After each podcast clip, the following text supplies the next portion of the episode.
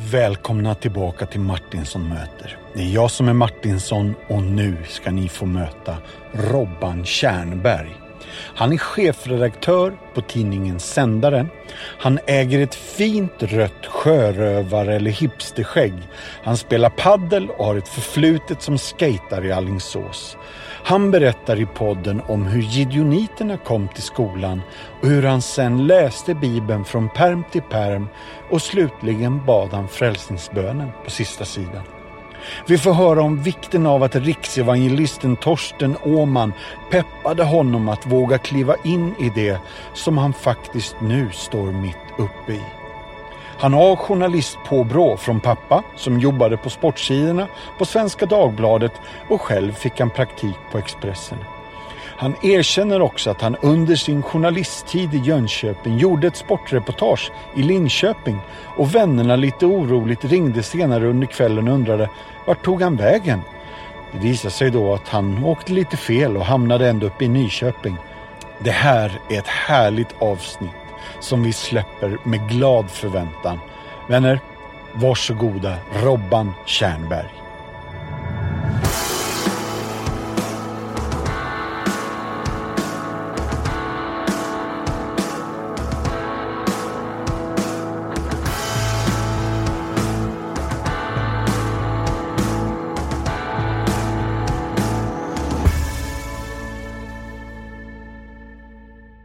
Hörni vänner, då är ni här, jag är här och nu hälsar jag dagens gäst välkommen hit. Robban Kärnberg, välkommen! Ja, men tusen tack Mattias, vad kul att få vara med i din Mm. podd. Mycket roligt att detta blev av. Ja, verkligen. Ja, vi sitter ju här strax in på nyåret och jag skulle vilja börja med tio snabba. Fast de är inte så snabba, men det är tio. Är du beredd Robban? Jag är beredd. Om du kunde välja att göra vad som helst, vart som helst, ett helt dygn, vart skulle vi då hitta dig? Oh, alltså jag är ju... ehm, Just nu håller jag ju väldigt mycket på med den här innesporten paddel, så jag hade nog gärna varit i hallen då.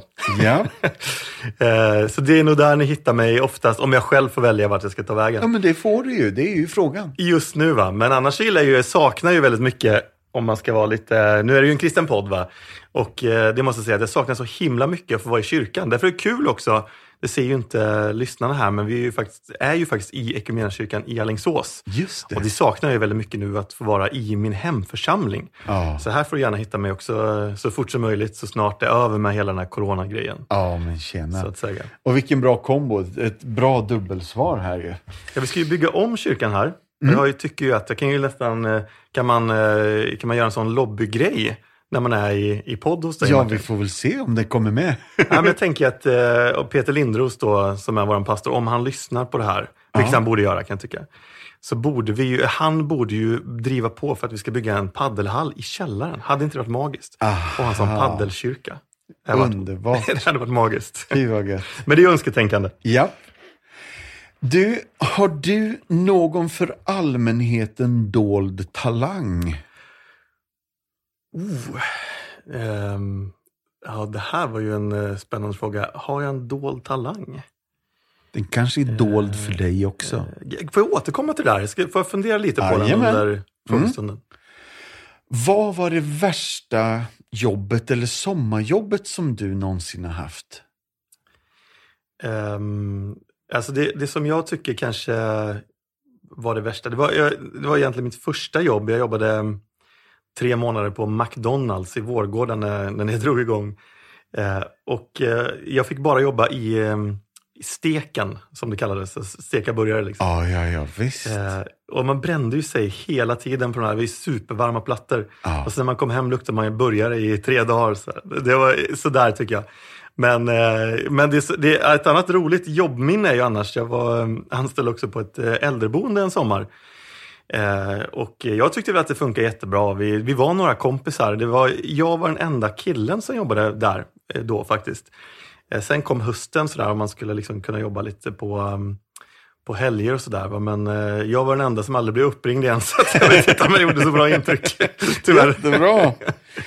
Fråga nummer fyra. Om du omedelbart skulle kunna bli en expert på något, vad skulle det vara? Wow. Um, det verkar ju det verkar ju jättebra att vara super-IT-expert. Eller hur? Ja. Det hade ju varit kanon att vara, liksom, kunna allt sånt där. Koda, koda och sånt. Koda! Mm. Koda skulle jag vilja kunna mer. Japp. Där, är jag, där har jag en svag punkt. Känner. Mm. Och om du kunde gå med i något tidigare eller nuvarande popband, vilket band hade du valt? Ja, det är ju Guns N' Roses. Är det sant? Ja, det finns ju bara ett man skulle vilja vara med i. Ja! Det är ju givet. Ja, men visst. Tänk att få stå där bredvid Axl Rose liksom, på Stadion 92 är det väl, när de var här och spelade. Ja, ja, ja. Usch, vilken upplevelse. Skulle du vilja ta en gitarr på magen och en sån där slash-hatt på huvudet? Ja, s- ja det, jag skulle kunna köra lite olika i olika låtar och sådär va? Kanske Ja. någon gång med Axl Rose, den stämman han har. Va? Tänk att ha den. ja, visst. Det hade ju varit magiskt alltså. Varit. Oj, oj, oj. Kanske minus allt whiskydrickande då, det hade jag nog inte klarat av. Ja, men jag fattar. men det andra.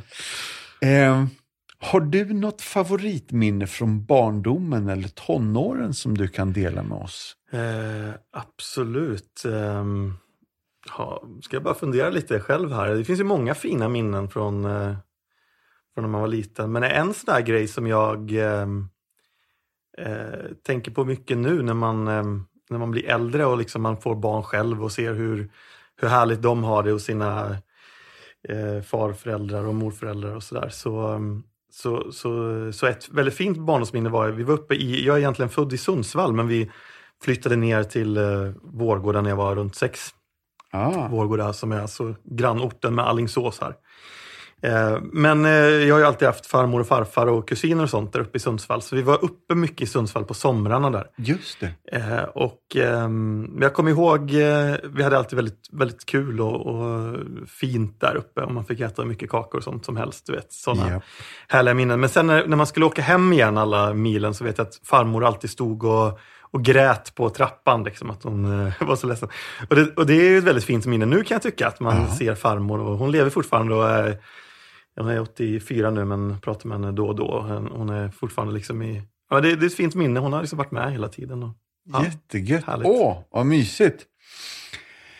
Med den livserfarenhet som du har nu, vilka råd skulle du ge ditt 18-åriga jag? Ehm,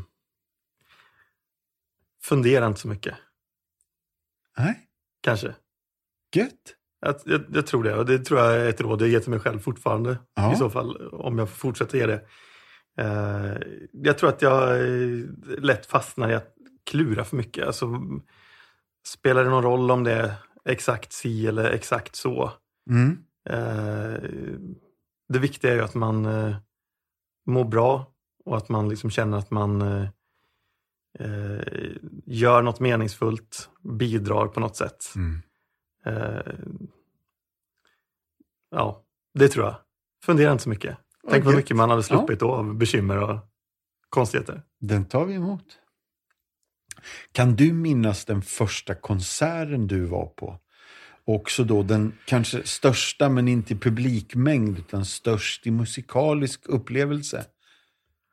Oh, alltså, jag, jag skäms lite att säga det, men jag är ju ingen supermusikalisk person och ingen sån som har sprungit på konserter. Men Nej. jag tycker det är väldigt härligt varje gång jag hamnar på en konsert Ja. av olika anledningar. Eh, men jag har ju ett sånt där, eh, för, det var inte första konserten, men ehm, eh, jo, jo, det finns ju en konsert eh, som ju är helt magisk, som jag har varit på. Och det var en, eh, en, en väninna till mamma som, ehm, som eh, i sin eh, bakgård i Vårgårda lyckades bjuda in en del olika såna kändismusiker. Så Ted Gärdestad, äh, inte Ted Gärdestad, han, såklart inte, vad heter han? Janne Schaffer menar jag såklart. Ah. Klipp bort Ted Gärdestad. Är så gammal är jag inte. Eh, men där var jag inte, men jag var däremot när hon hade bjudit in ehm, eh, Timo Räsänen och Lonely Deer som hade liksom en utomhuskonsert en supervarm Åh! sommarkväll i hennes trädgård. Så här, det var ju magiskt. Ja men Det- du, och vilken skön grej, just de två artisterna. Ja, verkligen. Det var eh, Ja. fantastiskt. Ja, det Och förstår det var, jag. Det var därför jag sa Ted Gärdestad förresten. Han, hade ju, han var ju på sin Ted Gärdestad-turné. Ja. Det är därför jag blandade ihop dem där. Timo gjorde en till. Exakt, det var ju den Just det. grejen som, ehm, som han körde. Nej, det var magiskt. Ja, det förstår jag. Har det någonsin hänt dig något som du inte kunde och fortfarande inte kan förklara? Eh, ja, det har hänt. Um, det har hänt några saker som jag inte kan förklara. Men en grej som kommer upp eh, nu, det var när vi var, jag och min fru var i, i Danmark. Det var ganska länge sedan det här, för att det var ju innan barnen föddes och så. Så var vi där någon weekend bara i Köpenhamn. Och så gick vi, eh, ja, en sån här turistrunda bara, var vi slottet där i Köpenhamn. Mm. Och så har de, de är ju galna cyklisterna i Köpenhamn. Det var, de var ju värre också innan det kom till Sverige. Nu är alla cyklister galna i alla städer. Även när man själv är cyklist, så att jag dömer ingen såklart.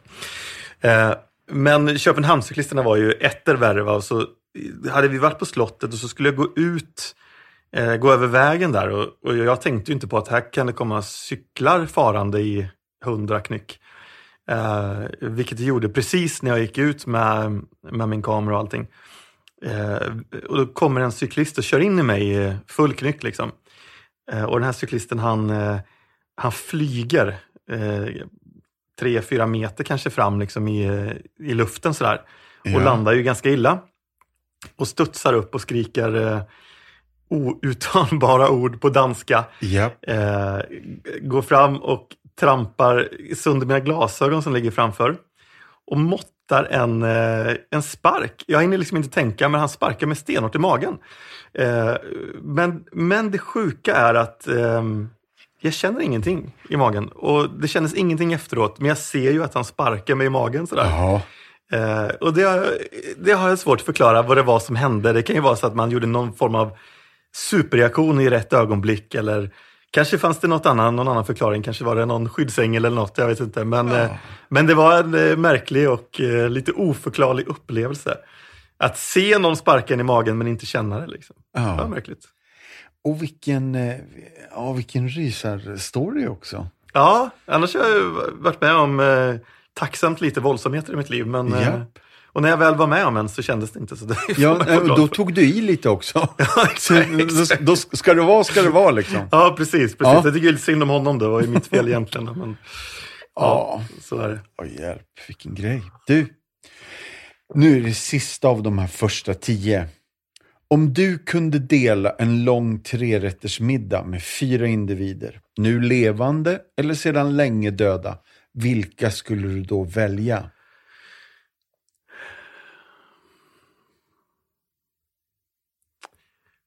Fyra personer.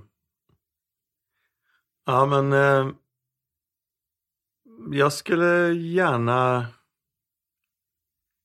Uff, det är lätt, det är lätt att hamna nu i liksom bibliska personer här. För att det hade ju varit superintressant att ha Mm. till exempel en, eh, en middag med Mose, Jobb, Jesus och Waldenström kanske. Ja, ja. Men, men, men, eh, men det finns ju många man skulle vilja ha till, eh, till Ja. middag på något sätt. Och det, du, alltså, vi har ju haft nyårsgäster. Lina Nilsen var ju och, och Anders Arborelius. Och båda de tycktes vara överens om att Jesus är ju alltid med oss. ja, smart. Så- smart, ja. smart. Så ta, ta den från dem. Smart. Ja, Mm. men det, det, om vi tänker så här, om vi tänker bort liksom de uppenbart bibliska personerna Ja, så skulle jag tycka det var, hade varit oerhört intressant att sitta ner med liksom några personer som, som på ett eller annat sätt verkligen har förändrat världshistorien som inte är Kristus. Liksom. Mm. Eh, till exempel, tänk att ha Genghis khan. eh, och så har vi någon mer sån här världsförändare. Martin Luther, eh, Ja. säger vi. Det är ju ändå en extremt framstående. De två hade ju också varit en spännande kombo. riktigt bra kombo. Eh, ta någon eh, från nutiden då. Churchill hade ju varit roligt att ha med. Men han är lite tråkig så vi kan ta Roosevelt istället då. Som ändå var lite i samma eh, Ja, ja, ja. men- Men Churchill lite bu- butter sådär, Roosevelt är lite Ja, han kanske bara suttit i sin eh, soffa där och läst tidningar och rökt Ja, cigarr eller någonting. Eh, och eh, någon mer som har förändrat världshistorien. Eh, finns ju så många. Det är konstigt nog ganska många som har förändrat Ja, världshistorien. ja. Du har en kvar nu, va, Mm. eller? Ja, jag tror det. Ja, just det. Jag tror det. Ehm, ja, men någon eh, någon eh, stor författare då. Eh, Tolkien säger vi. Det hade varit fräckt att ha med Tolkien också vid en sån middag. Jättespännande gäng. Det här var en skön kombo alltså. Alltså vad tråkigt jag är att bara ha med män. Det här känns ju inte bra förresten. Du, det, det, det är ingen fara. Imorgon kan du få välja tre, fyra tjejer istället. Ja, vad bra, vad bra. Det går vad bra. jättebra. Du, eh, Robban. 9 juni 1984. Vad händer då? Då föds jag. Sundsvall. Precis, Ja, stämmer. världens ljus. eh, och du har redan outat att där, eh, där levde man i, i, i, sex år. Ja, eller man. Jag levde i sex Ja. år i alla fall. Innan vi flyttade vidare. Då. Det är, pappa är från Sundsvall. Ja. Eh, och mamma är från ehm, eh, Södra Lundby utanför Vedum, Vara, om du säger någonting. Ja, ja, ja, visst. Eh, så att, eh, jag antar att det var en kombo av att hon kanske ville komma lite närmare hem. Och eh, pappa började jobba då i Göteborg. Ja, Eh, som journalist också, så att jag är ju, är uppvuxen i journalist. just det. Det här, det här får vi återkomma till. Men, men då blev det alltså Vårgårda, så pappa pendlade till Göteborg. Ja, precis. Ja. Inledningsvis. Eh, var, jobbade han på Svenska Dagbladet då? Ja, precis. Ja. Det stämmer. Ja, Eh, han började jobba då. Sen jobbade han där hela, nästan hela vägen fram till pension. Han jobbade på lite andra ställen på slutet där. Men, Mm. men, eh, så att, eh, jag är uppvuxen väldigt mycket med Svenska Dagbladet som huslektyr. Men det är klart att det, man blev påverkad väldigt mycket och växte upp i ett journalisthem så. Ja, Utifrån den väg man valde sen. Men du kanske vill komma tillbaka till ja det men sen? visst. Jättespännande. Du, jag skulle vilja eh, eh, prata om eh, fotbollstalang. Frågetecken så här. Ja, just det. Jag själv skulle ju säga att jag var en stor fotbollstalang. Ja, men, men jag vet, frågan är hur stor jag egentligen var. Det, nej. Eh, jag hade väl en, bra tro på mig själv. Nej, men det var, fotboll var ju, det är ju det jag har hållit på med som ung. Eh, sen var jag ju ingen träningsprodukt så att eh, jag kom ju till en viss gräns, sen fick jag ju sluta. så, så att, Och var det då det blev skateboard? ja, precis. Ja, men det körde jag lite parallellt där. Eh, Ja. Så gott det går. Där var väl ingen heller någon större talang, men det var kul att åka. Ja, nu, jag kör ju fortfarande snowboard Yeah. så, här, så länge jag, eller så ofta jag kan. ja. Det, det var ju ganska långt uppehåll där ett tag, men nu när man har fått barn igen så blir det ju lite att man åker till fjällen och sådär. Jag tycker att det är kul. Så ja det är lite härligt. Renässans att, eh, på de där. Ja, sen vill Ja. man ju gärna få, få barnen då att testa det också. Så nu Ja. har vi en, eh, en bräda till den äldsta sonen i alla fall. Så att eh, Ja. vi ska köra i år, tänker jag. Är du yngst?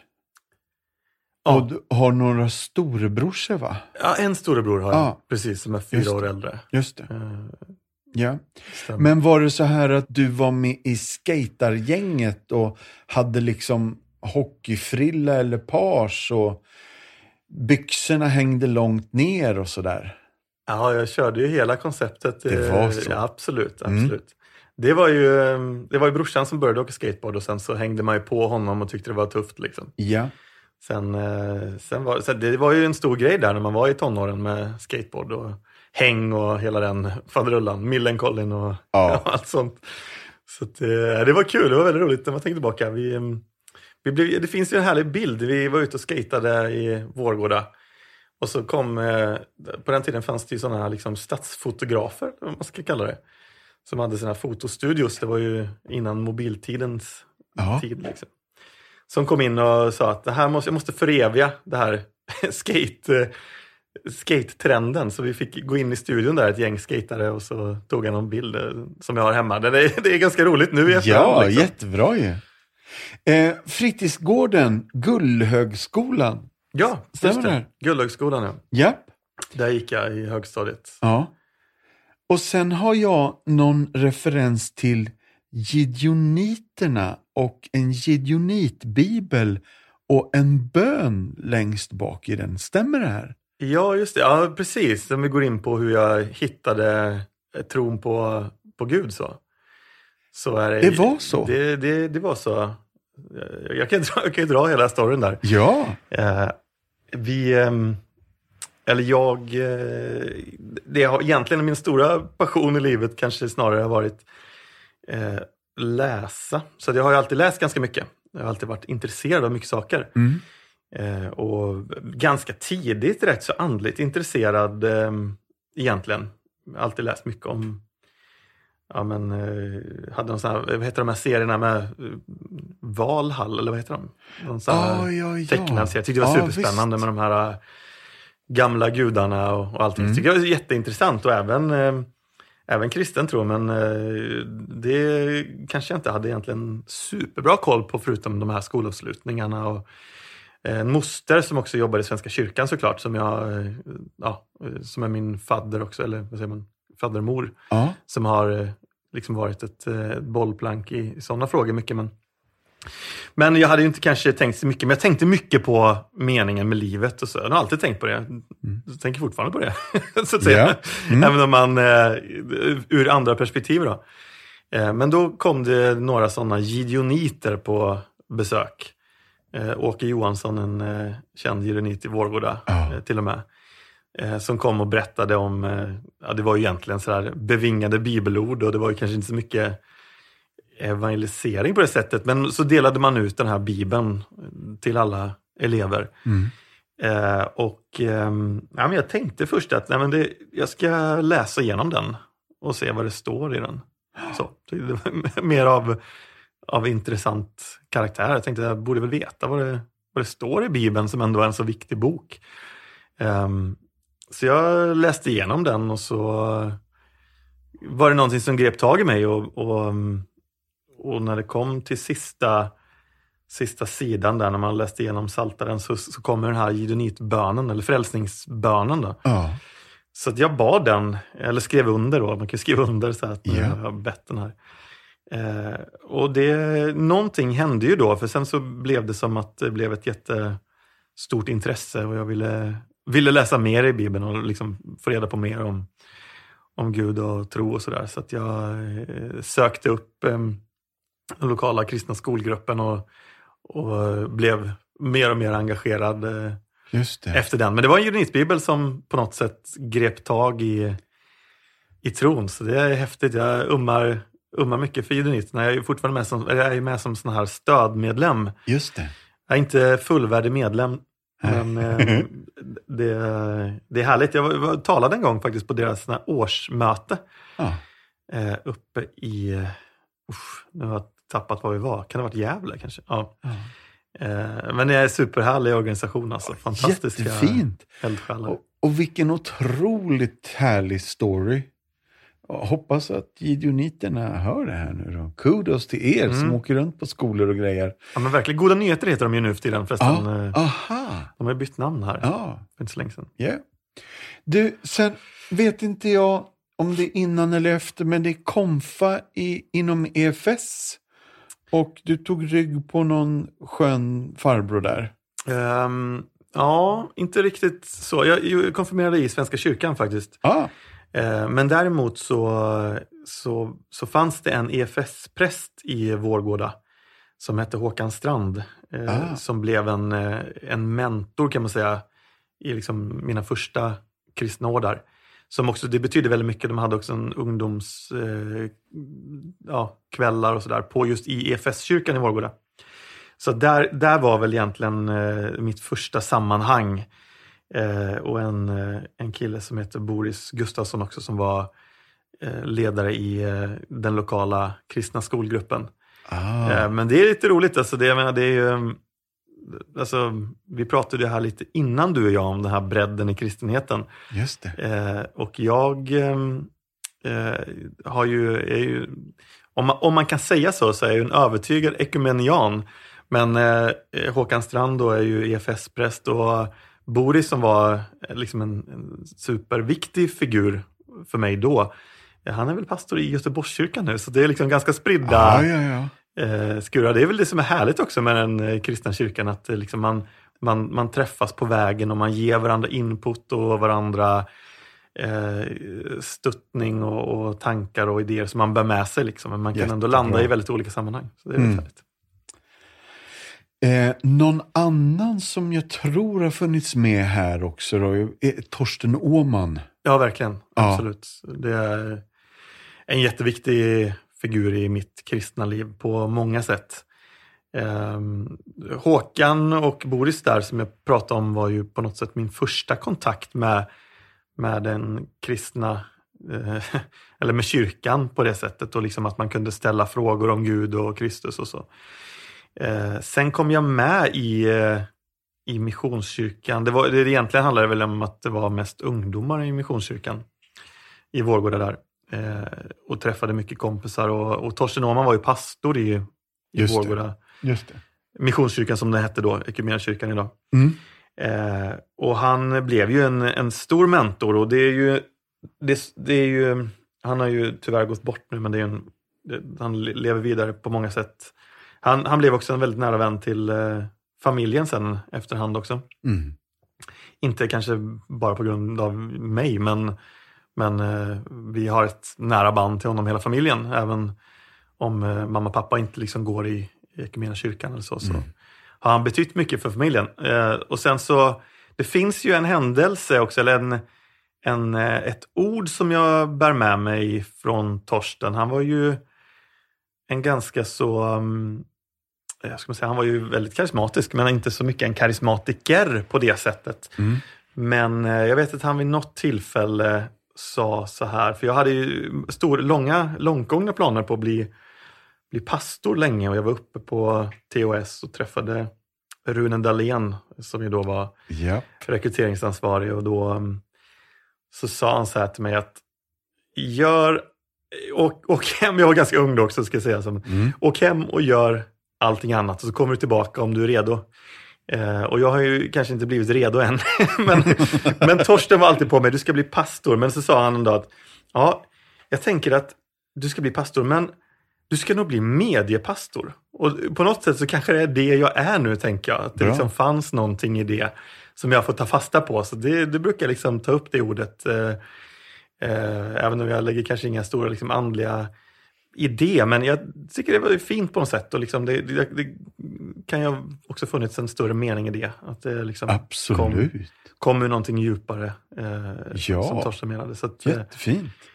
Ja, men det är ett ord jag tar med mig ibland. När liksom, tunga dagar så tänker jag att ja, men det, det finns något i det här ändå som, mm.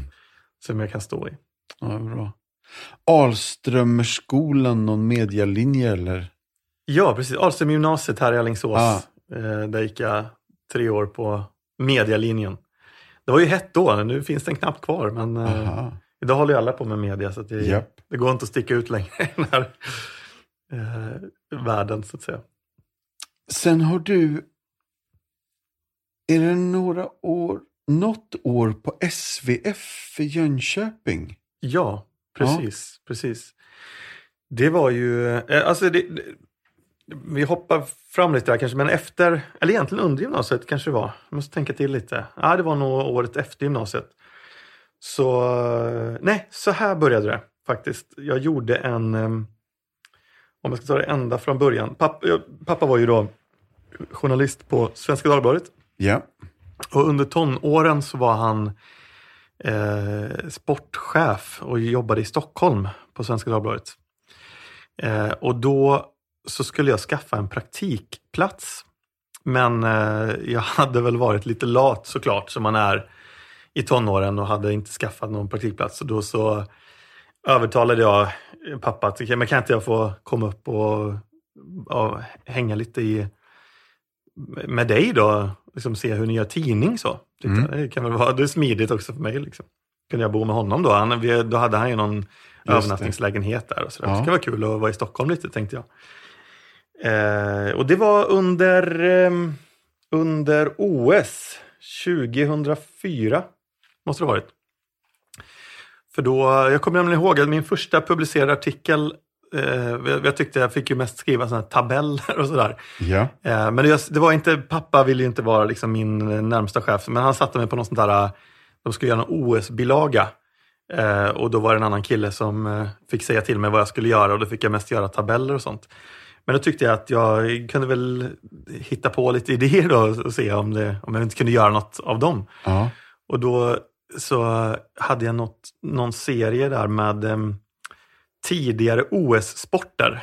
Eh, och, och då åkte jag och en fotograf till Borås och träffade eh, de svenska mästarna i krocket. För det var tydligen en OS-sport 1912. Ja. Så att min första publicerade artikel handlade om krocket. Det var ändå ett uppslag faktiskt i Svenska Dagbladet. Där. Det var en, en bra start. Så jag brukar säga att jag började på topp och sen så dalade jag ner. det är så. Så. Eh, Men sen började jag jobba extra på Alingsås Tidning. Det är egentligen det jag ska komma till. Och eh, eh, kände att men jag kanske, journalistik, det kanske är något jag ska hålla på med. För jag- det kändes som att jag hade någon viss fallenhet för det. Och det, eh, men det var roligt, så jag jobbade mycket extra här på Alingsås Tidning, då, på sporten där också. Ja. Eh, och sökte in. Det, SVF har ju en, eh, en eh, väldigt välrenommerad journalistutbildning som har eh, eh, ja, många som har gått och, och så. De liksom större journalisterna som finns ute där tyckte att ja, men dit kan jag söka in och så var det ju dessutom kyrkligt så tänkte jag ja, men det är härligt så kan jag testa på det folkhögskolelivet och sådär. Just det. Så att eh, jag hamnade där Ja. och sen har har det egentligen bara flutit på med, med journalistiken efter det också. Men det var ju, var ju där egentligen det tog, eh, tog fart. Då. Ja. Har du under din tid i Jönköping gjort ett sportreportage i Linköping för att sedan sätta dig i bilen och åka hem till dina vänner? Ja, det, är jätte, eh, det här är jättebra research alltså. Det, är, ja, det, det stämmer. Det stämmer. stämmer. Alltså, det, jag har ju en... eh, Ja, men okej, jag ska vara helt ärlig så har jag ju liksom en... jag brukar säga så här, så jag tänker ganska bra när jag skriver och jag tänker ganska bra när jag pratar. Men därutöver så är jag ganska dålig på att tänka. Liksom. Så att jag, jag satte mig i bilen, jag hade varit och gjort eh, ett reportage. Ett, jag var på Linköping Hockey var det. Ja. Jag jobbade på Sportexpressen då. Eh, vi bodde i Jönköping. och så, så jag, där var det flera gånger jag varit där och jag visste ju ungefär hur det såg ut. Det var också innan GPSens tid vill jag bara säga. Det här var Okej, det var ja. för historiskt. Ehm, så ja, men, vet, man, åker, man åker mellan Linköping och, och Jönköping som vi bodde i och, och så åker man förbi någon McDonalds och så åker man förbi någon sån här eh, någon parkeringsplats och så eh, Mjölby tror jag man kommer till. Och, ja. Så jag åkte det. Det kom en McDonalds och det kom någon parkeringsplats. Men det kom aldrig Mjölby-skylten. Men plötsligt så stod det Nyköping på skylten. Så hade jag åkt hela vägen fel till Nyköping. Och, Ja. ja, det, var, det som också var otur såklart. eh, Var Och där någonstans ringer du dina kompisar och säger jag kommer sent eller det Ja, blir inget. exakt. exakt. Det var Ja. några kompisar som skulle sova över i Jönköping. Ja, bra. Eh, och som väntade och så bara, ja, det här är en sån här kompis som tycker sånt här är väldigt roligt också, så jag misstänker att det är han som har tipsat dig. Men, eh, men eh, Jag vågar inte säga något. ja, jag förstår, Nej. dina källor är Ja. beseglade. Ehm, Frizonfestivalen har du varit på. Ja, ja, Ja. Det, det stämmer. Hände det vid något tillfälle att du impuls gick med i eh, någon ungdomsrörelse? ja, absolut. Ehm, du tänker på, på KDU kanske? ja, jag gör det. Ja, precis. Men man fick ju en t-shirt, det tyckte jag var väldigt skönt. Så, här, så jag gick med där. Alltså, jag har ju ingen lång politisk karriär och eh, det är ingen så här politisk karriär jag är superstolt över. Men eh, eh, jag... Underbart.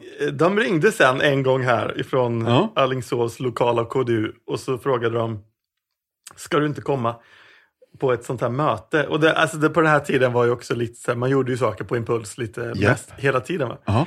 Så det var jag och en kompis till som gick med i KDU. Eh, och så sa vi så här, "Ah, men vi kan väl gå, de kanske är goda mackor eller någonting. Så här. Ja. Det var ju lite roligt. Så. Eh, men så, han dök aldrig upp så jag satt där och jag var helt ensam också med, någon, med en, en, en, en, en politiker. Då, som, eh, alltså det var ju lite synd om honom för han ville ju ha någon som såklart skulle kunna engagera sig här i KDU. Och det, Ja, det var det. väl kanske inte just vid det tillfället jag som skulle göra det. Men eh, Det, ja, det var en trevlig bra. kväll det också. Ja, jättegött. Men du, eh, det där med, med mackor. eh, Är du allergisk mot skaldjur men älskar lax? Ja, eh, lax, ja jag älskar eh, Ja. all fisk nästan. Ja. Gös är, min, det är ännu bättre. Yeah. Mjörngös, Mm. det ska du käka Mattias. Det är ju... Mjörngös. Ja, men det hörs ju på namnet. Ja. Det vattnar sig i munnen. Men har du råkat äta räkor på en fest? Jag fattar att det var dit du skulle komma. Nej, Mm. det är egentligen inte en fest, men ehm, det var... eh, Räkor. Det var räkor. Det var hemma hos eh, eh, min tonårsflickvän. Eh, och eh, föräldrarna skulle bjuda på räksoppa. Ja. Och jag kunde inte säga nej då såklart. Jag ville ju vara limpa, vara artig. Sådär, va? Eh, men, och jag hade inte ätit räkor på ett tag. Jag tänkte att jag, jag kanske har vuxit ifrån det där. Men- det blev ingenting med den tjejen, så kan vi säga. det var kanske inte därför i och för sig. Men, men eh, Åh men tjenare vilken. Men du överlevde i alla fall som vi jag ser. överlevde. Ja. Jag överlevde. Det var kanske inte så farligt, men eh, det, det kändes jobbigt i, i stunden. Men idag är det Ja. kul. Ja, jag fattar. Eh, jag har hört att du är sportkunnig och kan udda fotbollsspelare från Asien. Udda fotbollsspelare från Asien. Ja, stämmer det? Ja, det här vet jag inte något om. Det, det, det är möjligt alltså, men eh, jag kommer inte på någon speciell asiat. Jag är ju ganska sportintresserad. Mm. Eh, framförallt så var jag ju väldigt sportinsatt innan jag fick barn. Nu tycker jag inte man har så mycket tid längre att följa, men, Nej. men det här är säkert någon, någon grej jag har gjort någon gång som jag inte kommer ihåg just nu. Ja, just det. Eh, har du på ett bröllop skrivit låttexter eh, där du inte har kunnat melodin? Eh, ja, det, stämmer ju eh, tyvärr det. också. Det var ju mm, så att jag var, hade blivit då, ehm, skulle vara bröllopsvärd. Och eh, det var, det, de här som gifte sig var ganska unga. Och eh, eh, men, alltså, jag är, har ju alltid varit rätt social och, och sådär. Va? Mm. Ganska kanske ja, men framåt så. Så de tyckte väl att det hade väl varit perfekt om, om du skulle vara värd. Och du kanske kan skriva några, några låtar då också. Så tänkte jag, det kan väl inte vara så svårt. Men jag har ju aldrig hållit på med musik, så jag tog bara några låtar och så gjorde jag om texten. Det var, problemet var ju bara att det gick inte att sjunga de här Nej, låtarna. Så till slut så var det ju bara jag som stod och sjöng, men det blev ju en bra stämning. Det blev. Ja, ja. ja fint. Eh, nu tror jag att jag behöver höra lite om Kristina som eh, var, jag tror var en av dina bästa vänners stora syster. Just det, ja. Ja. Precis. Och nu är hon min fru då. Ja. Så kan det gå. ja. När, när dök hon in på resans gång här? Var är vi? Eh, ja, var, eh, vi har ju varit gifta nu i nästan 15 år, men jag tror att jag var ungefär 21 när vi eh, Ja. blev ett par. Jag hade ju liksom träffat henne tidigare genom hennes bror då, Andreas som vi umgicks med mycket eh, så i tonåren. Mm. Eh, sen, det, det bara hände, gick ganska snabbt. Liksom. Det var, hon bodde i Göteborg och tyckte att hon verkade ju härlig och rolig och, och fin. Så att, ehm, jag tyckte att vi kan väl träffas någon gång i Göteborg och fika. Mm. Så att jag fick hennes nummer där. Det var nog efter något, eh, något, någonting i kyrkan, något event i kyrkan. Så eh, tog jag chansen och frågade, kan inte jag få ditt nummer? Mm. hon anade väl inte så mycket just då. Det kanske inte jag heller gjorde, men det är klart att eh, det fanns ju lite, lite intresse från min sida. Men jag Mm. tror hon var nog inte så intresserad kanske. Men eh, sen så åkte jag hälsade på henne och så, eh, ja, men sen gick det ganska snabbt. Jag Ja. lyckades väl sätta in någon form av charm som gick hem där. Ja. Så att, eh, sen, sen har det bara rullat på. Nu har vi varit tillsammans i, ja just det, så, så tiden går ju. Jag tror från 2015, nej, eh, eh, nej 2005 menar jag. 2015 Ja. är inte så länge sedan. 2005. ja. Så att det är ju pff, 16 år. Mm. Vi har Fint. varit gifta sedan 2008. Just det. Ja, jättegött. Och ni har eh, några barn? Två stycken. Ja. Äldsta killen heter Nils, han fyller snart åtta. Och Ja. eh, den yngsta Ebbe fyller precis tre. Så att det är full rulle Ja, hemma. jag fattar. så, är det. Mm. Men det är underbart. Och sedan 2018 har du varit chefredaktör på Sändaren och du är även chefred på Verbum AB. Ja, no, eh, s- jag är chefredaktör på Sändaren. Ja, Däremot sitter jag också i ledningsgruppen på Verbum.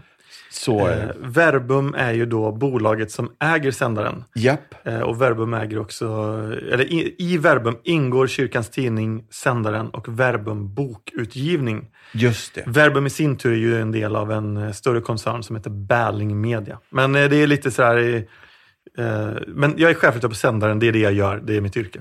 Ja. Och berätta för oss lite om sändaren då. Gärna. Eh, Sändaren är ju alltså en eh, egentligen ganska gammal tidning kan man säga. Sändaren som sådan har funnits sedan 1900, jag säger alltid fel nu, men jag tror att det är 1992. Två. ja, tack. Jag, jag, jag tänker alltid att det är 91, men det är 92. Mm. Då gick ju Svensk veckotidning som var eh, Missionsförbundets tidning, organ, ihop med Baptistsamfundets dito Veckoposten. Just det.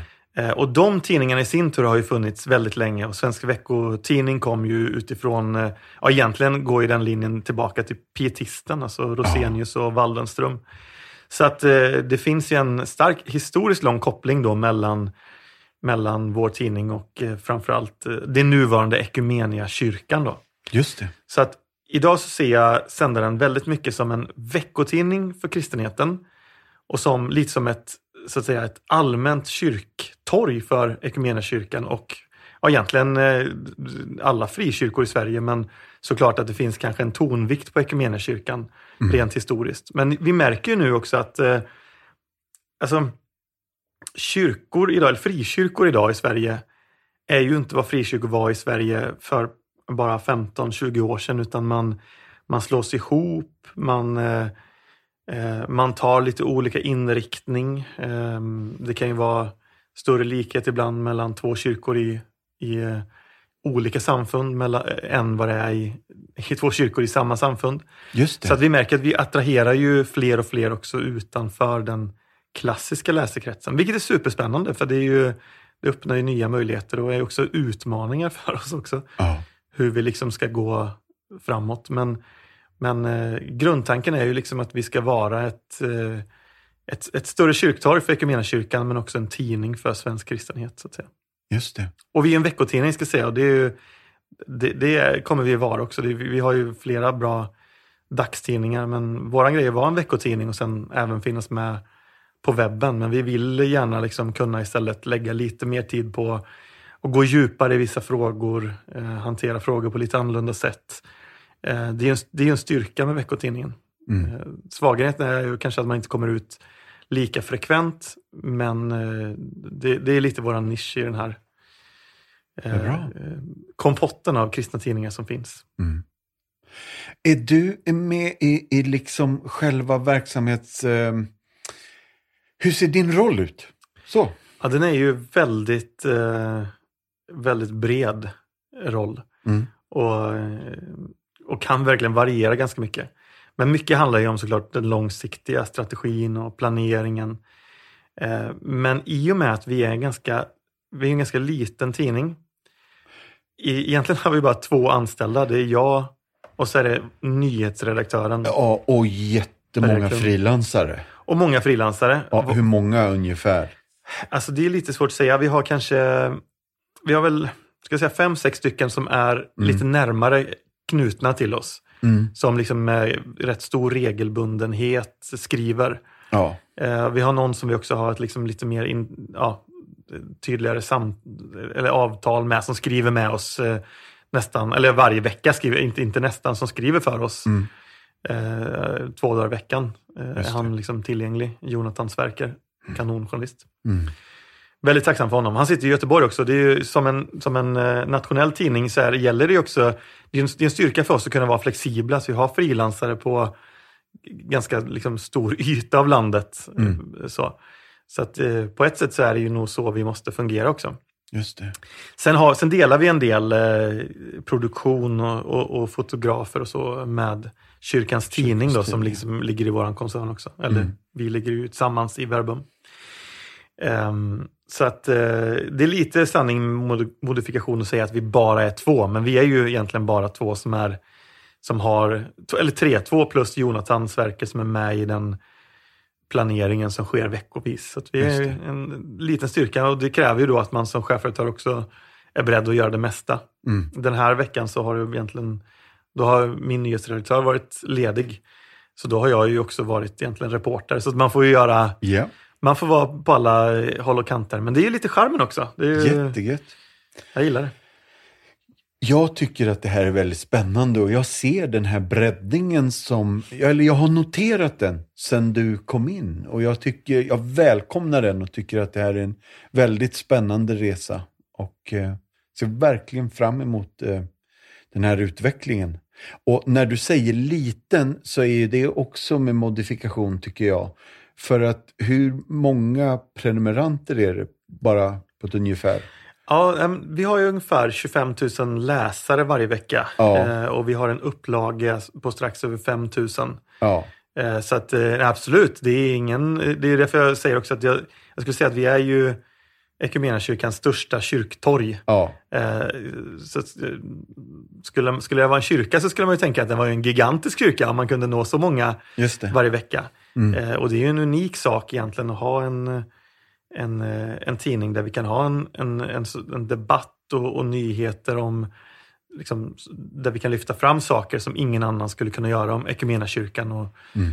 och kringliggande eh, verksamheter och, och så vidare. Så det är ju, eh, som medlem i Equmeniakyrkan så, så tänker jag så vilken, vilken guldåder Mm. vi har egentligen, Bra. mitt i kyrkan. Yes. Eh, är det något mer du skulle vilja säga om sändaren som du tycker känns angeläget? Det här är lite kul att lyfta. Mm, absolut. Eh, nej men alltså, det jag tycker är så himla roligt och, um, med jobbet är att man får så otroligt mycket feedback från läsare som, eh, som tycker att det är en så viktig del i deras liv. Ehm, som en, det, det, ring, det ringde en, ehm, en pastor faktiskt och eh, som bara ville tacka för att det var någonting vi hade skrivit som, ehm, jag tror det var en ledare som, som hade, som han uttryckte det, stärkt hans tro. Och då känns det här, det är fantastiskt att få jobba med någonting och få den feedbacken. Mm. Eh, men också, all, all, liksom, det, är ju, det är ju vanligt när man är journalist att folk bara ringer när de, när de vill klaga. Det är ju på något sätt så här, det, det grundläggande. Folk ringer nästan aldrig eller hör aldrig av sig när de tycker någonting är bra. Och det är klart att eh, det är absolut att vi får synpunkter och så här också. Det är ju naturligt och det ska vi ju, ska vi ju ha. Det, det tycker jag absolut man ska eh, känna sig fri och, och, och komma med invändningar och tankar om det som man tycker är galet eller fel. Men 99 procent av allt vi får är ju folk som tycker att det är fantastiskt och det är liksom, de väntar för att tidningen ska komma. Eh, Det var någon nu som var, vi hade ju ett digitalt nummer här nu vecka 53 eh, och då var det en, en äldre kvinna som ringde och och var lite orolig att vi skulle lägga ner papperstidningen för att hon och hennes väninnor hade den som, den, vi har ju då en, en spalt varje vecka med en betraktelse Mm där en pastor får skriva och så har vi lite det, någon bibelord och psalmval och så. Och de hade den som bas för sitt andliga samtal varje vecka. Mm. Det, så det, det finns så många olika användningsområden. Jag som kommer från mitt journalisthåll tänker att men det är en nyhetstidning och det är det vi ska vara bra på. Men, men det, det är så mycket mer än en tidning och det Ja. är så fantastiskt roligt att få jobba med. Mm. Mycket spännande. Det är väldigt roligt att ni eh, jobbar på så otroligt bra. Nu tänkte jag ta några minuter Robban och eh, berätta lite om Compassion. Eh, du får... Eh, jag ska berätta en berättelse först och sen kan vi föra ett samtal kring det. Antingen om berättelsen eller om Compassion i stort. Men eh, för er som lyssnar, här kommer en story om en kille som heter Enok. Vi var djupt bedrövade efter förlusten av vår första bebis som dog av en hudinfektion när han bara var 16 månader gammal, berättar Melissa. När jag fick reda på att jag var gravid igen så gladde jag mig och prisade Gud. Efter att ha förlorat sitt första barn var Melissa och hennes partner Alexis förkrossade. Tolv månader senare blev hon gravid igen och då registrerades hon i Compassions själavårdsprogram och där hittar hon den tröst och det stöd hon behövde. Efter hennes första kurs med Alexandrina och de andra mammorna i gruppen började Melissa och Alexis den andliga helande processen som hjälpte dem att våga fortsätta framåt i livet. Melissa började delta i själavårdsprogrammet med de andra mödrarna där hon kunde öppna upp sig för förlusten av sin första baby. Hon berättar hur svårt det varit för henne och Alexis att känna av hela sorgen. Mödrarna lyssnade, gemenskapen och tankarna uppmuntrade henne och lyfte också hennes humör. Och deras kärlek hjälpte henne att se fram emot sitt eget barns ankomst med förväntan. När Enok föddes i januari 2020 kunde Melissa och Alexis inte vara lyckligare. Men när Enok var fyra månader gammal så fick han mycket hög feber. Han kämpade för att kunna kissa och hade väldigt ont. En orolig Melissa kontaktade omedelbart Compassion som rusade med dem till närmsta sjukhus.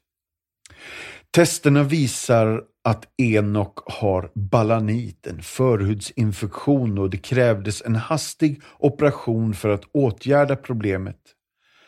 Hjärtat gick sönder för nu trodde jag att jag skulle förlora honom också, berättar hon.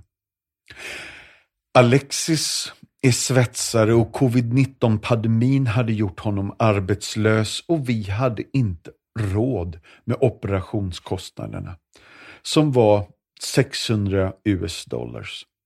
Jag var livrädd och grät för nu trodde jag att vi också skulle förlora Enok. Utan att tveka gav Compassion Melissa och Alexis de goda nyheterna. Vi täcker kostnaderna för Enoks operation och han ska få all den medicinska hjälpen han behöver. Enok fördes till sjukhuset, genomgick operationen utan komplikationer, blir utskriven och friskt snabbt och läkarna ger en god hälsorapport. Jag är evigt tacksam för vad Compassions själavårdsprogram gjort för min son Enok, säger pappa Alexis. Jag brukade gråta tillsammans med Melissa angående operationen eller hur skulle vi ha råd med det eller det. Och nu istället så kan jag prisa Gud för Enoks hälsa och liv och vi uppskattar så hjälpen från Compassion Själavårdsprogrammet och Alexandrina som alltid har varit där för oss. Min enkla fråga till dig som lyssnar. Vill du hjälpa ett barn som Enok att växa upp? Eller ett par som Melissa och Alexis att fullständigt komma loss ifrån fattigdom genom Compassions arbete? Behovet av nya faddrar är jättestort. För 310 kronor i månaden så understödjer du ett fadderbarn holistiskt och det innebär att vi jobbar på fyra sätt. Ekonomisk hjälp med mat, kläder och skolavgift. Fysisk hjälp i form av vaccinationer, hälsokontroller, sport och fritidsaktiviteter. Social hjälp våra centran är fyllda av kärlek, omsorg och uppmuntran till varje barn. Andlig hjälp. Vi sticker inte under stolen med att vi gör det vi gör i Jesu namn. Så därför har vi åldersanpassad söndagsskola, sjunger om och för och med barnen om Jesus. Vill du nu bli en fadder så kan du gå in på vår hemsida www.compassion.se och du kan signa upp dig direkt där och bli fadder till ett barn idag. Och då kanske några av er tänker, nej men jag har redan ett fadderbarn. Och då är min enkla uppmaning, ta gärna ett till.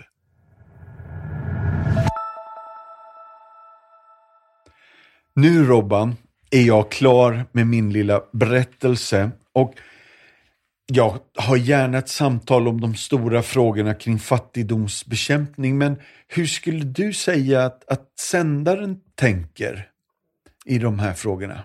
Ja, wow. Man bara blev lite gripen av den här berättelsen som du drog också. Ja. Alltså det är ju... Ja, men ibland kan det vara bra att få en sån här berättelse för att också sätta sitt eget liv i perspektiv. Men man tänker ju på sina egna barn om man Ja. själv hamnar i den situationen. Vad skulle man göra? Vem skulle man ta hjälp av? Liksom? Här har vi ju så bra nätverk på så många plan. Mm. Men eh, det är fantastiskt att höra att, att man kan få hjälp av till exempel Compassion Day. Ja. Det är underbart. Eh, för att svara på din fråga, alltså det, ehm, ja, det, det är ju en, det är en sån, är en så svår och stor fråga. Det vi gör, alltså våran uppgift som jag ser det, det är ju att lyfta frågorna.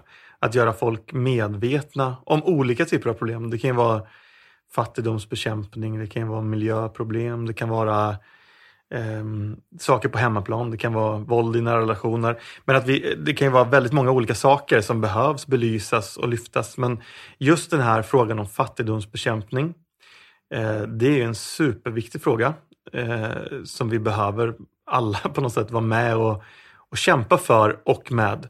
Sen är det ju, alltså, nu vet jag inte, jag har inte sett siffrorna, det lär väl ha försämrats en del under, eh, under covid här kanske, men eh, eh, Men, men tack och lov har ju siffrorna faktiskt gått...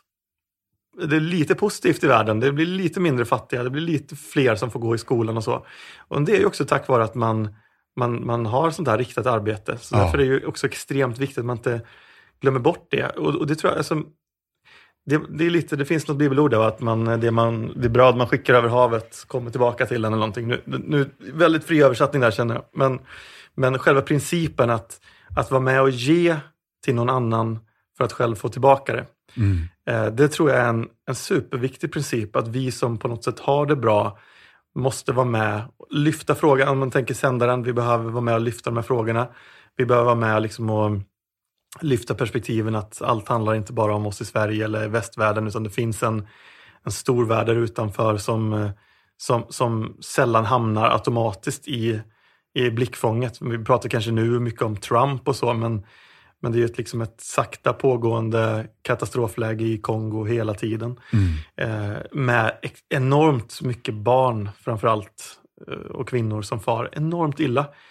Eh, ja, det, vi, kan ju, vi kan ju inte göra tillräckligt mycket vilken, vilken liksom roll vi än har. Men, men jag ser att sändaren har en, en uppgift att belysa för våra läsare hur det ser ut i världen. Och vi har ett bra samarbete med en nyhetsbyrå som heter IPS som, som rapporterar väldigt mycket ifrån just tredje världen, eh, många av de här länderna som jag antar att ni också har arbete i. Mm. Eh, och det har varit lite av ett aktivt val för oss.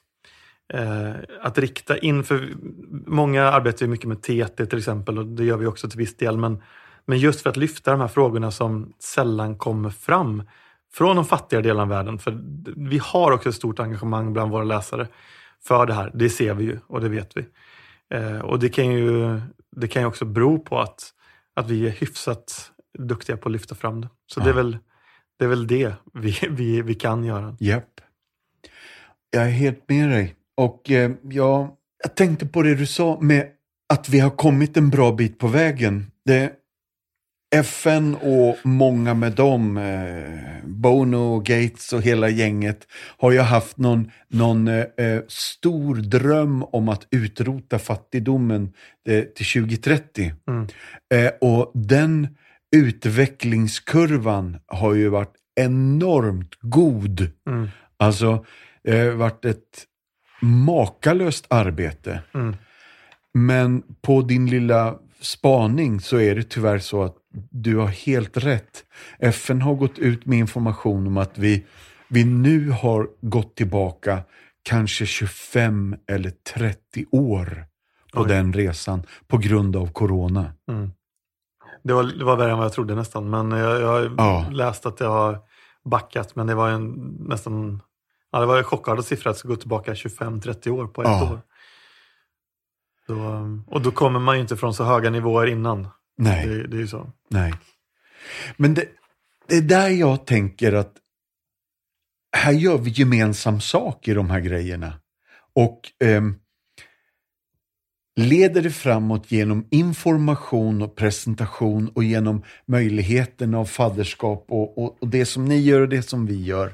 Eh, det jag har kunnat känna när jag får sån här information om att nu är det tillbaka 25-30 år, är att jag blir bara handlingsförlamad istället Mm. och inte vet vad jag ska göra. Mm. Eh, och jag har pratat med några av gästerna om detta tidigare, men jag är så fascinerad över att eh, när statistiken eh, kommer, vad är bäst att göra? Ja, det första är att hjälpa de fattigaste av de fattiga. Eh, det handlar om myggnät, mal malarianät. Det handlar om rent vatten. Och eh, nästan liksom top of the line är hjälp ett fadderbarn långsiktigt. Mm. Så jag, eh, ja, jag bara tycker att det är en spännande resa vi har där. Ja men verkligen. Det är Mm. det. Och det är ju... um, Ja, men, det, är- det, är en, det är en väldigt så här, ogreppbar fråga också ibland för oss. För jag, jag, jag tänker att jag själv eh, är ganska dåligt insatt i hur fattigdom egentligen kan vara. Mm. Eh, och och det, det där är svårt, för jag, jag, jag tror att liksom vi har så... ehm, vi ser ju till oss själva, vi jämför med oss själva. Eh, och, och man vet kanske inte, och det är, alltså jag, nu, nu pratar jag på något sätt till mig själv också, att man vet kanske inte hur mycket hjälp man faktiskt kan göra eh, genom att göra en ganska för sig själv liten insats. Mm. Och på något märkligt sätt så gör det att insatsen ibland inte blir av. det är för enkelt. Mm. Eh, och det där är lite konstigt. Jag vet inte, jag har reflekterat över det ibland att man, ja, det är så få insatser. Det kan liksom handla om några 20-lappar för att eh, liksom, ge mat åt en, ja kanske inte en by, men, men en familj i alla fall, Just i en vecka. Ja. Eh, och ja, intressant hur liksom enkelt man egentligen skulle kunna göra mycket, mycket större skillnad. Ja. Men varför gör man det inte? Det är en filosofisk fråga. Varför gör man Mm. inte mer? Mm. Många gör det och de flesta kanske i kristen kontext har någon form av, av givande in i, i någonting sånt här. Ja. Men eh, eh, det går att göra så mycket mer, det gör ju det. Och nu är jag självkritisk här också när jag tänker för att man eh, eh, nej, men man kan nästan bli irriterad på, varandra, på, på sig själv ibland att man eh, ja men det är ju inga problem att lägga några hundralappar på en pryl. Men eh, ja, det, det är bra ibland kanske att ta med sig den här tanken om att det man har gjort för mina minsta Ja. och inte bara fastna lite i sitt eget medelsvenssonliv och jämföras med det. Liksom. Ja, det är jättebra. Du Robban, vi ska strax gå ner för landning. Jag tyckte det var otroligt mysigt att få sätta mig ner med dig. Eh, jag har haft det i baktanken en tid och jag är så glad att det äntligen blev av. Eh, tack snälla för att du kom. Är det någonting du tänker att det här måste jag bara säga innan vi säger tack och godnatt för idag? Nej, men jag kan bara hålla med. Jättekul att få vara med. Och det som jag skrev i någon Facebook-tråd att om jag Eh, som jag sa också till dig här innan att det är, du har ju en härlig poddstämma. Man, det är nästan som att man går ner lite för landning. Man vill ta sig en liten eh, vilolur här. Så att, eh, jag skrev i någon Facebook-tråd att det är ungefär så eh, jag föreställer mig Guds röst. Du, du får ta det som en komplimang. Ja, du, du, ja. Eh, nej, men jättekul att få vara med. Eh, jag hoppas ju såklart eh, från mitt perspektiv att fler och fler får eh, upptäcka sändaren. Vi är jätteglada för de som har gjort det och, och, och, och kommer sen och säger att de tycker det är roligt att, att få läsa det eller det i sändaren och ha upptäckt sändaren helt enkelt. Eh, så det hoppas vi fler ska göra. Det är klart det är en ständig utmaning i den här branschen. Eh, och med en äldre eller åldrande tidningsläsarskara överlag så, så, så är det en utmaning framöver. Eh, men jag hoppas att, att flera av våra kristna yngre personer också ska upptäcka glädjen att hänga med i det som händer i samfunden och, och nyhetsmässigt också ur ett kristet perspektiv. ja. Jättegött. Tack. Och tack för idag Robban. Tack själv. Slut för idag och tack för idag allihopa. Vill du veta mer om det som har pratats om i podden så har vi något på vår hemsida som heter Show Notes. Där kan du se alla länkar till sånt vi pratar om när vi refererar till en film eller en bok eller en sång. Då finns de länkarna där, så gå in på compassion.se så hittar du helt enkelt massa extra material. Tack, ha det bra, bye bye, hej då!